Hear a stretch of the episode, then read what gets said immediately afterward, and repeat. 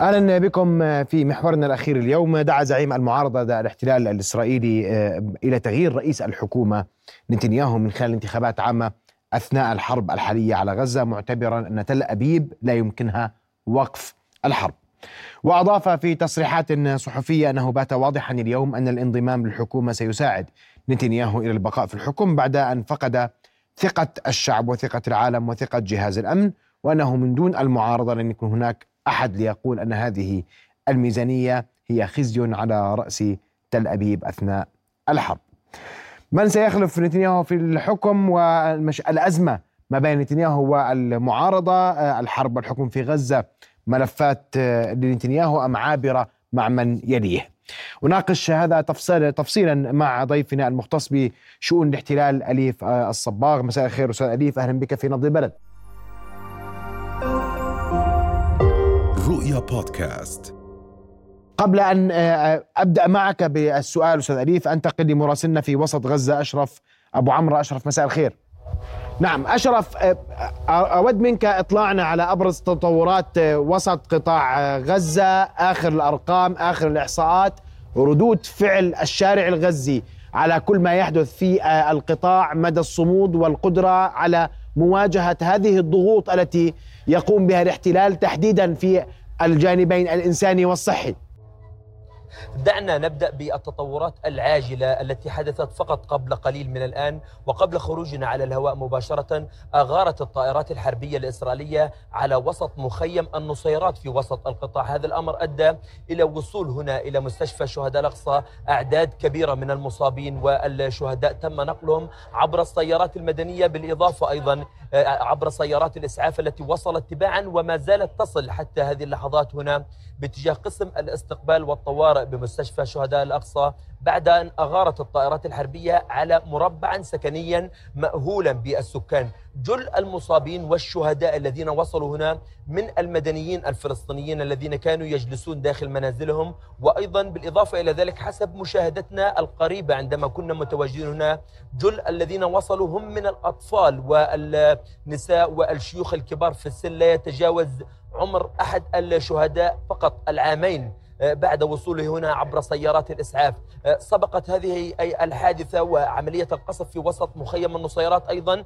آه، غارة جوية هي الأعنف طوال هذا اليوم على وسط مخيم جباليا وبالتحديد على منزل لعائلة البرش. هذا الأمر أدى إلى ارتقاء ما يقارب من 30 شهيد وصلوا مستشفيات الشمال ما زال ما يقارب من المئة مفقود تحت أنقاض المنازل وما زالت الأطقم الطبية بالإضافة إلى الدفاع المدني يحاول قدر المستطاع وبالأدوات المتاحة الوصول إلى ناجين أو حتى شهداء تحت أنقاض هذه البنايات التي تم تدميرها بشكل كامل وسط مخيم جباليا لمنازل تعود لعائلة البرج. حقيقة اليوم كان داميا للغاية حيث أيضا استهدفت الطائرات الحربية الإسرائيلية في جنوب آه، أو شمال آه، مدينة خان يونس مدرسة للنازحين الفلسطينيين تتبع لوكالة الأونر والتابعة للأمم المتحدة. هذا الأمر أدى أيضا إلى ارتقاء أعداد كبيرة من المصابين والشهداء داخل هذه المدرسة آه، بالقرب من سجن أصداء المعروف في تلك المنطقة حيث أطلقت المدفعية الإسرائيلية عدد من قذائفها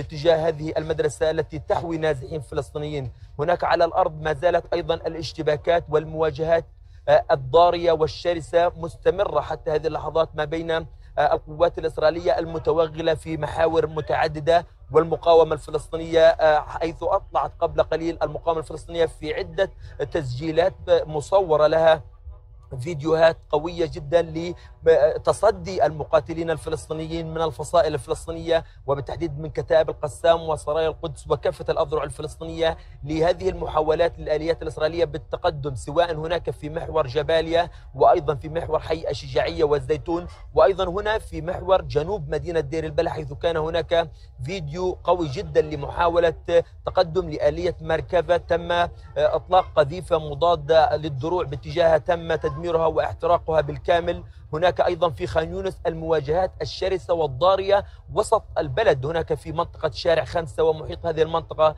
تحدث اشتباكات قوية جدا بالإضافة إلى تفاقم أزمة النازحين الفلسطينيين الذين ما زال ما زالت القوات الإسرائيلية تهجرهم من منطقة لمنطقة وتلاحقهم جويا بالقصف العنيف سواء على مدارس الأونروا أو حتى على المنازل التي تأويهم لدى يعني أقربائهم ومنازل المواطنين سواء هنا في وسط القطاع أو هناك في مدينة غزة وشمال القطاع وهناك في جنوب القطاع حيث دعاهم الجيش في بداية الأمر إلى الذهاب إلى المناطق الخضراء الذي يعد هذه المناطق من المناطق الآمنة ولكن لا يوجد أي منطقة آمنة على مستوى القطاع بشكل كامل. قطاع غزة كنت معنا مباشرة من هناك للحديث عن تطورات الأوضاع الميدانية في القطاع. كل الشكر لك أشرف. أعود لضيفي أريف صباغ ومسيرات في الداخل خسائر عسكرية لجيش الاحتلال حديث واضح عن وضع سيء للجيش في العمليات المستمرة في قطاع غزة وضغوط من المعارضة لتنحي نتنياهو عن السلطة هل هذا ممكن في ظل كل ما يحدث؟ دعني أقول في الوضع العسكري أمريكا حاولت خلال الأسبوع الماضي أن تقنع إسرائيل أو أن تنقذ إسرائيل من نفسها لأن جنون العظمة لدى حكام إسرائيل جعلهم يدخلون وكأن يعني يدخلون في معركة هم غير جاهزين لها. لماذا أقول هذا الكلام؟ لأن تجربة المعارك في داخل المدن لم لم تخوضها إسرائيل قوات الاحتلال الإسرائيلية في الماضي. تجربة المعارك في داخل المدن خاضتها القوات الأمريكية وخسرت الكثير منها. لذلك تريد إنقاذ إسرائيل من معارك داخل المدن خاصة وأن داخل المدن هذه يوجد أنفاق ويوجد فوهات لهذه الأنفاق يخرج منها المقاتلون الفلسطينيون ويستهدفون آليات الاحتلال وجنوده وضباطه. وهذا حصل خلال الأسبوعين خلال الشهر الماضي وتكبدت قوات الاحتلال الإسرائيلية خسائر كبيرة جدا في الآليات وفي الجنود والضباط حتى لو لم يعترفوا بالجميع ولكن هذا معروف للجميع أيضا.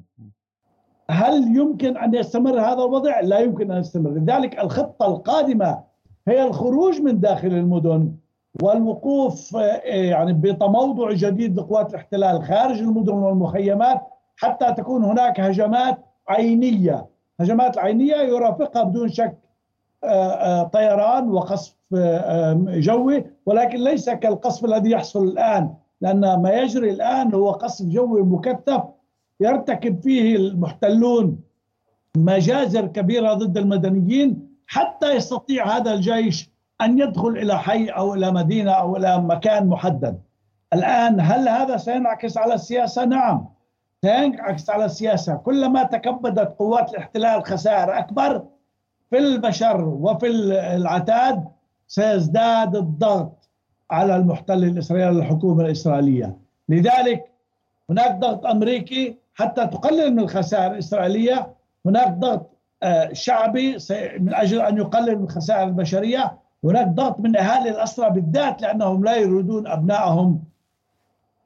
أموات في التوابيت يريدونهم أحياء. لذلك يزداد الضغط الشعبي بكلام واضح هذه المرة. نريد صفقة تبادل الآن وليس كالشعار السابق وشعار مضلل الذي قال نريد أبناءنا الآن. نريد تحرير أسرى الآن ولكن لم يذكروا الوسيلة. الآن يذكرون الوسيلة بشكل واضح. نريد صفقة نريد تبادل. الكل مقابل الكل. نريد أبناءنا أحياء لا أموات.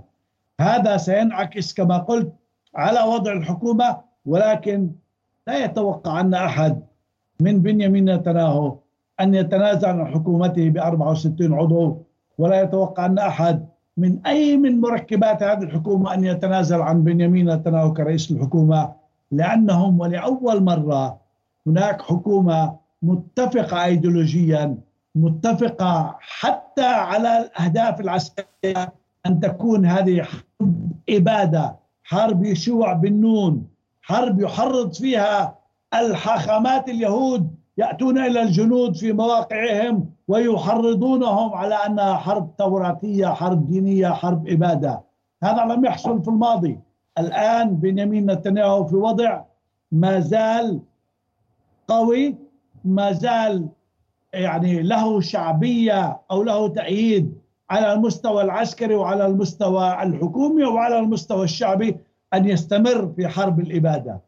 ولكن كما قلت في البداية مزيد من الضحايا مزيد من القتلى الإسرائيليين مزيد من الخسارات الإسرائيلية وهذا ما سيحدث بالتأكيد في المستقبل القريب. ومزيد من الضغط الأمريكي هو الذي سيجعل بنيامين يتراجع ويقبل بالصفقة ويقبل بوقت إطلاق النار والتبادل.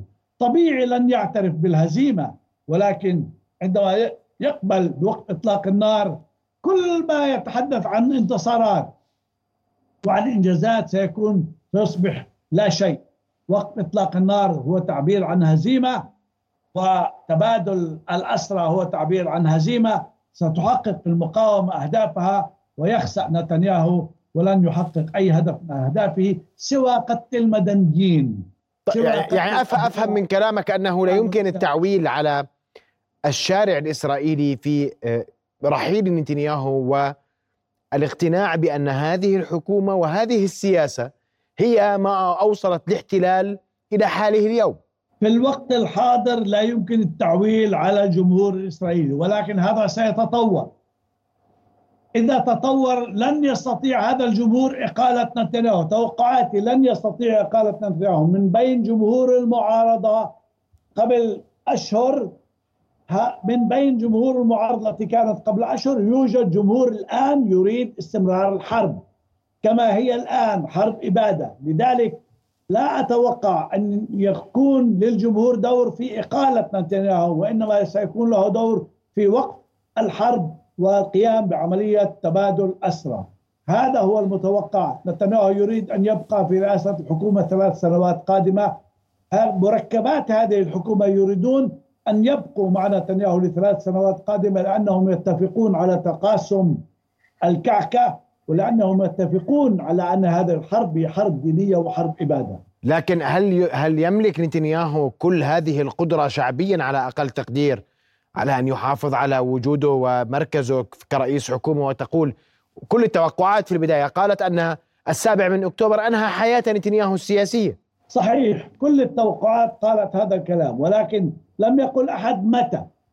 متى؟ أنا أقول في الوقت الحاضر نتنياهو لديه قوة في الحكومة.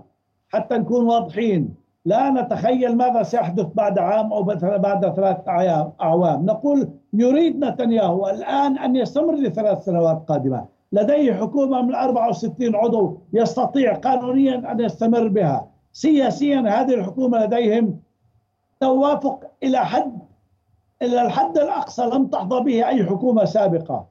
لذلك أقول أنه يستطيع أن يستمر ولكن يعني لا أحد يعرف فعلا كيف تتطور الأمور. إذا ما أجبر نتنياهو أن يقوم بعمل لا ترضى عنه هذه الأحزاب الدينية بالأساس وربما يضطر إلى ذلك عندها ربما يفكك يفككون هذه الحكومة. ولكن أقول ربما وليس بالتأكيد لأن المصالح المشتركة بين مركبات هذه الحكومة هي أقوى من أي شيء آخر نعم. لأن مصلحة بنيامين نتنياهو الشخصية أن يستمر في هذه الحكومة وأن يستمر في الحرب وأن يستمر في في في عملية التهجير والإبادة هي مصلحة من الدرجة الأولى له سياسيا وشخصيا هو لا يريد أن يعود إلى المحاكم الإسرائيلية من جديد ولا يريد أن يقدمه أحد. إلى المحاكم الدولية كمجرم حرب. نعم. المختص يحميه هي هذه الحكومة. نعم. المختص في شؤون الاحتلال أليف آه، أليف الصباغ أشكرك كل الشكر على وجودك معنا الليلة وعلى إيضاحك وهي وجهة نظر يجب أن تؤخذ بعين الاعتبار بأن نتنياهو قد لا يرحل وقد آه، يحافظ على حكمه لثلاث سنوات قادمة. إلى هنا وصلنا لختام حلقة الليلة نلتقي غدا تصبحون ألف خير. رؤيا بودكاست